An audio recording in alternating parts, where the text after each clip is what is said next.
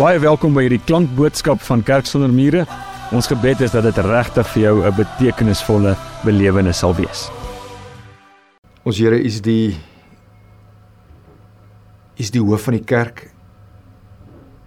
Is die een wat uit die dood uit opgestaan het. Here is die is die lewende God wat mens geword het. Is die een wat onder ons kom bly het. En Here, dankie daarvoor. Dankie dat ons nie alleen op hierdie aarde is nie. Dankie dat ons weet ons enigste troos in lewe en in sterwe is dat ons U sin is, is dat ons aan U behoort. En Here, dit gee vir ons die krag, dit gee vir ons die moed om elke dag te kan leef. Here, dankie vir iets soos 'n erediens. Dankie dat ons U woord kan verkondig. Dankie dat ons weet, Here, dat U Gees werksaam is wanneer ons besig is, wanneer ons doenig is met U woord. Here, ek wil bid dat U vandag sal kom doen wat U kan doen, Here, kom kom heilige naam, Here, kom kom help ons dat U wil op hierdie aarde geskied. En Here, verheerlik U self asseblief deur hierdie erediens. Amen. As jy 'n Bybel by jou het, is jy welkom om oop te maak by Johannes hoofstuk 21. Ons staan vandag stil by Johannes 21 vers 18.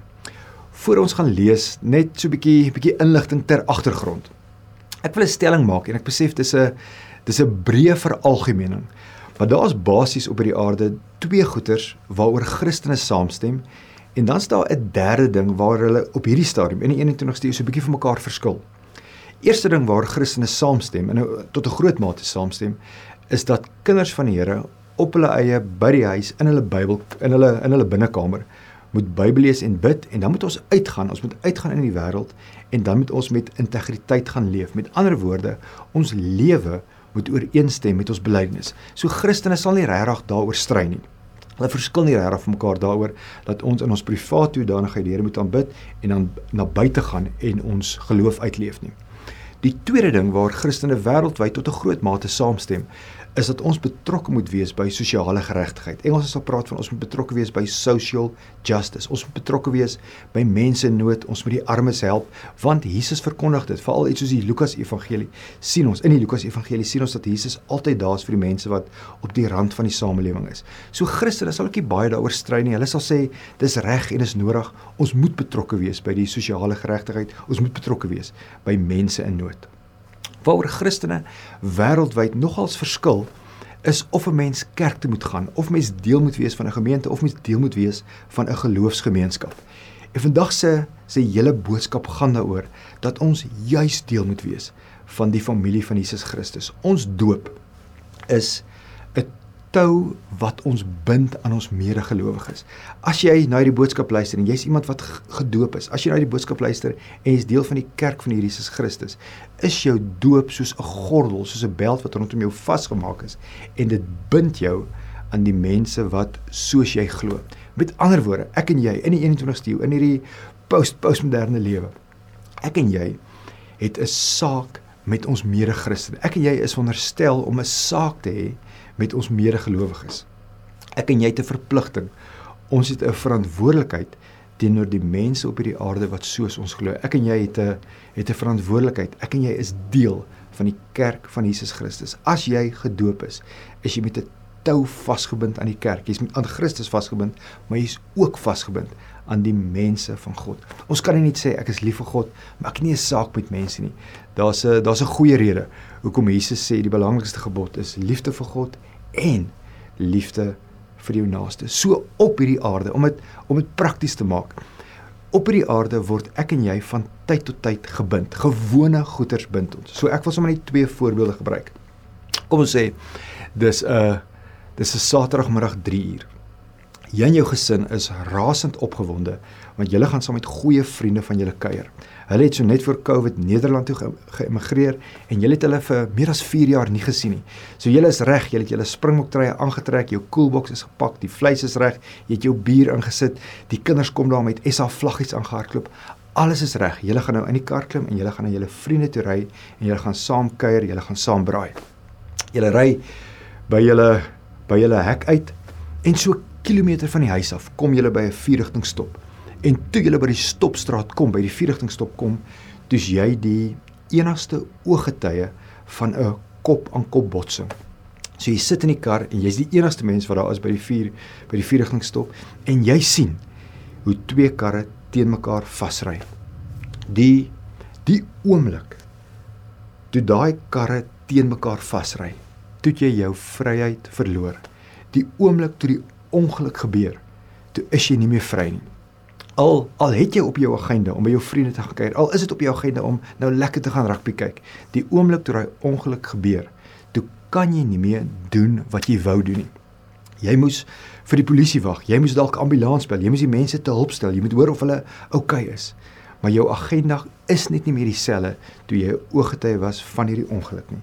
Daarso is sekere goed op hierdie aarde wat ons bind. Voor die tyd kon jy gedoen het net wat jy wou, jy kan jou klere aangetrek het soos wat jy wou, jy kan jou beld aangesit het.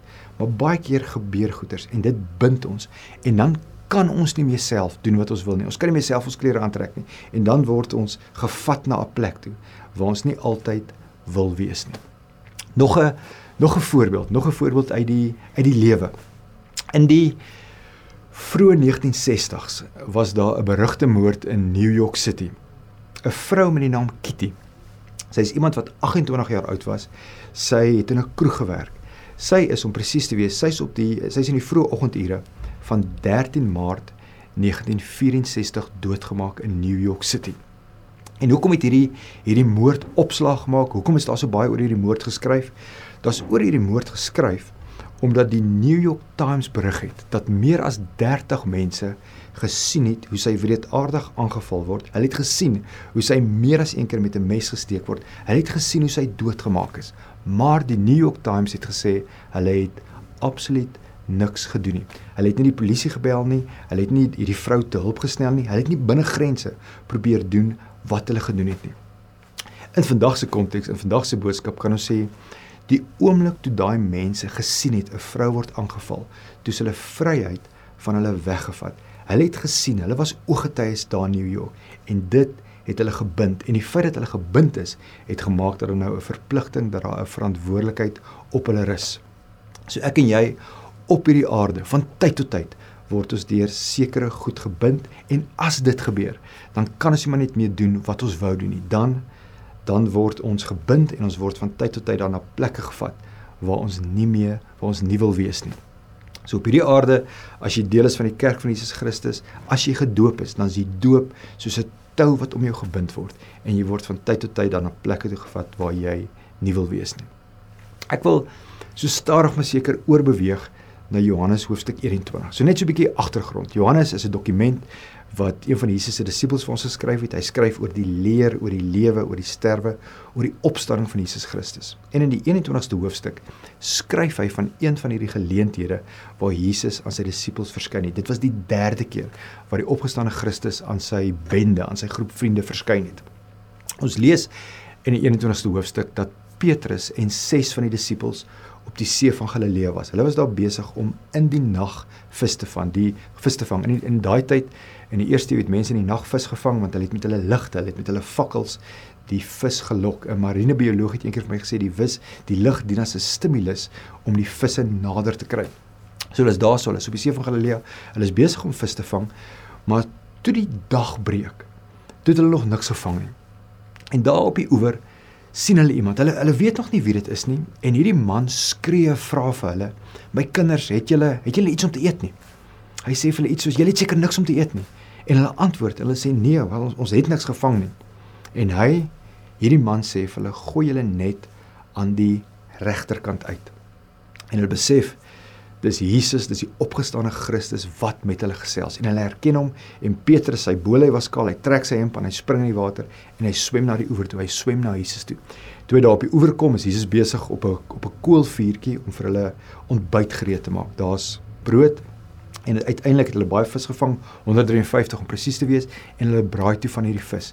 En Jesus en 'n groep van sy disippels, 'n gedeelte van sy disippels is besig om daar rondom die koolvuurtjie te kuier.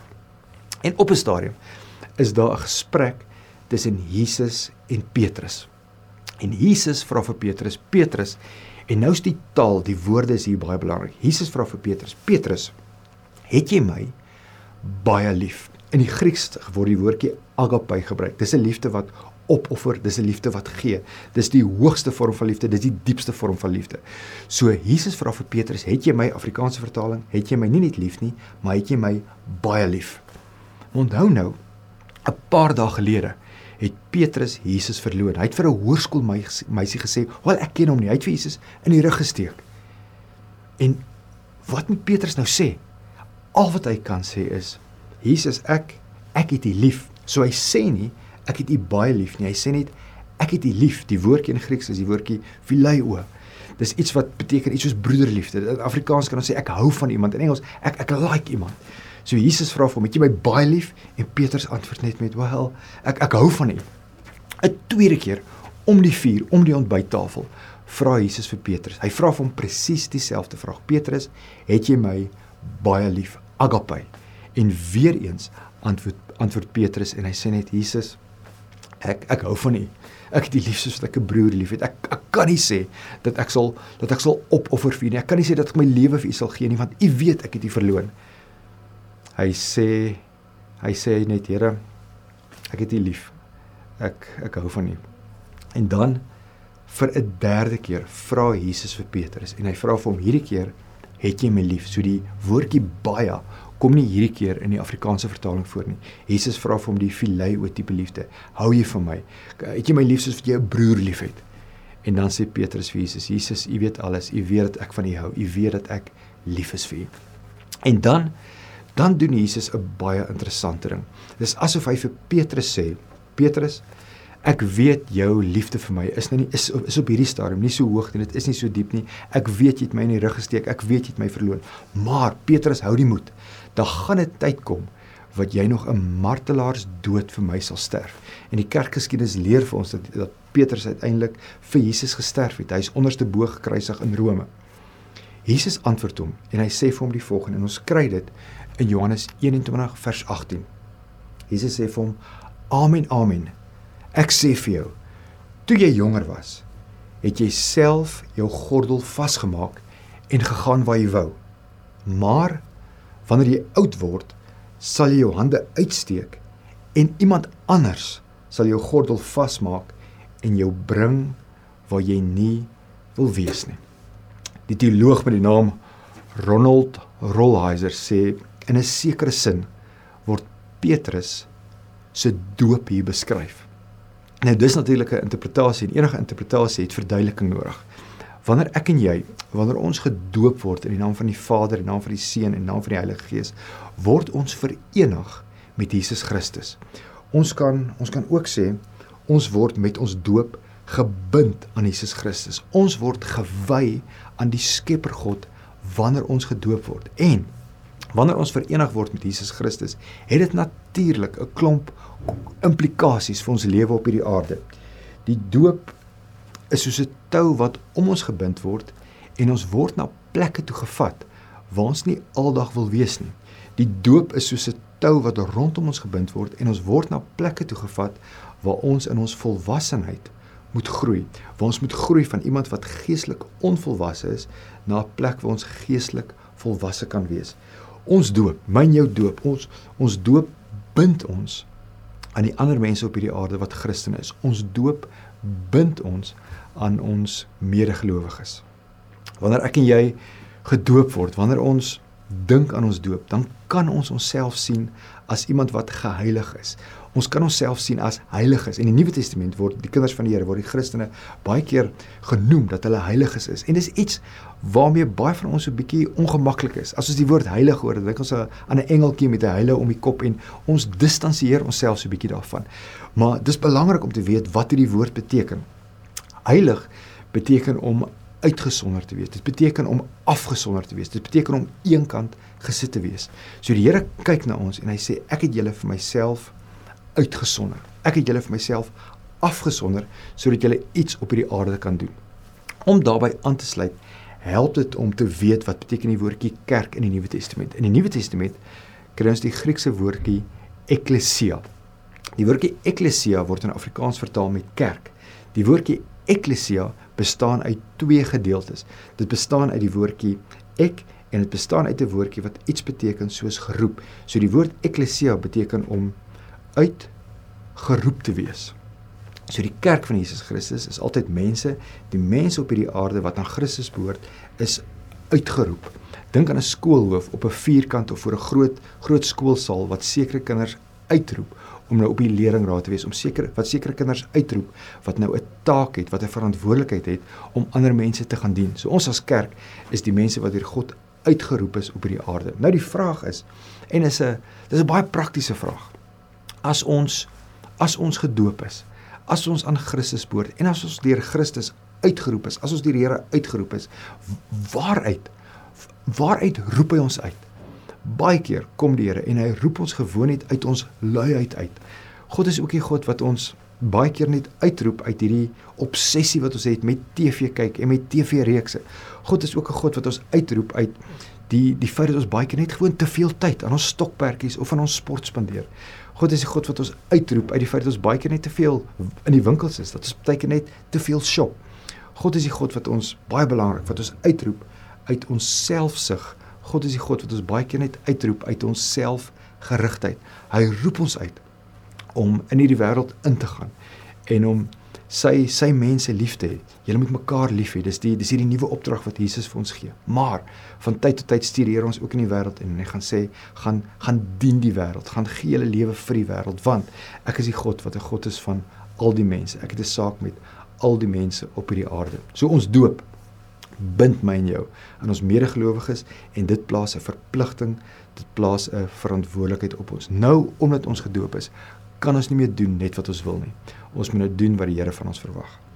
Sommige net 'n 'n baie baie praktiese voorbeeld. Kom ons sê daar's soos twee baie jong mense. Kom ons sê hulle is 20 jaar oud en hulle is verlief, hulle hou van mekaar, hulle is goeie vriende en hulle besluit hulle gaan trou en hulle trou toe so op 21. Nou albei van hulle het mooi harte, dis goeie mense, maar Hulle is in 'n in 'n sekere sin van die woord nog uiters onvolwasse. Hulle is nog selfsugtig, hulle is selfgesentreerd en alles van dit is normaal. Dis wie hulle is want hulle is 21 jaar oud. Maar dan skielik, sonder dat hulle die die volle implikasies daarvan besef, word die vrou swanger. Daar kom 'n babatjie en die oomblik toe daai babatjie gebore word, dis dit asof hulle volwassenheidsproses inskop toe toe word hulle mense wat nie meer onvolwasse is nie, maar stadig maar seker word hulle mense wat groei na volwassenheid. Want elke keer as 'n ouer na 'n babatjie kyk, is dit asof hierdie baba of hierdie kind sy of haar handjies uitsteek en iets van die ma of iets van die pa vra. Aanvanklik vra 'n babatjie melk. 'n Baba kind vra kos, 'n baba vra energie, 'n kind vra tyd. As die kinders bietjie ouer word, vra hulle jou selfoon. Later jare vra hulle jou karsleutels. Hulle vra jou jou hart, hulle vra jou simpatie. Hulle vra dat jy hulle moet raak sien. Hulle vra dat dat jy hulle moet motiveer. 'n Kind vra en vra en vra en vra en ons as ouers, ons offer op en ons offer op en ons offer op. Ons offer ons leefstyl op. Ons offer ons vakansieplanne op. Ons offer ons aantjies uit op. Ons offer ons stokperdjies op. Hoekom? Want hierdie kind is ons sin. En dan dan kan dan kan 'n kind of dan kan die kinders eintlik die woorde van Johannes 21 gebruik en voortdurend vir ma en vir pa of vir ma of vir ma en pa vra. Het jy my baie lief? Het jy my baie lief? Het jy my baie lief? Of 'n kind kan net vra, het jy my lief? Het jy my lief? Het jy my lief? En dan as die ouer sou sê ek het jou lief. Ja, ek het jou baie lief. Dan is dit asof 'n kind of asof die kinders vir hulle ouer of ouers kan sê Ma pa, toe julle twee jonk was, kon julle gedoen het net wat julle wou.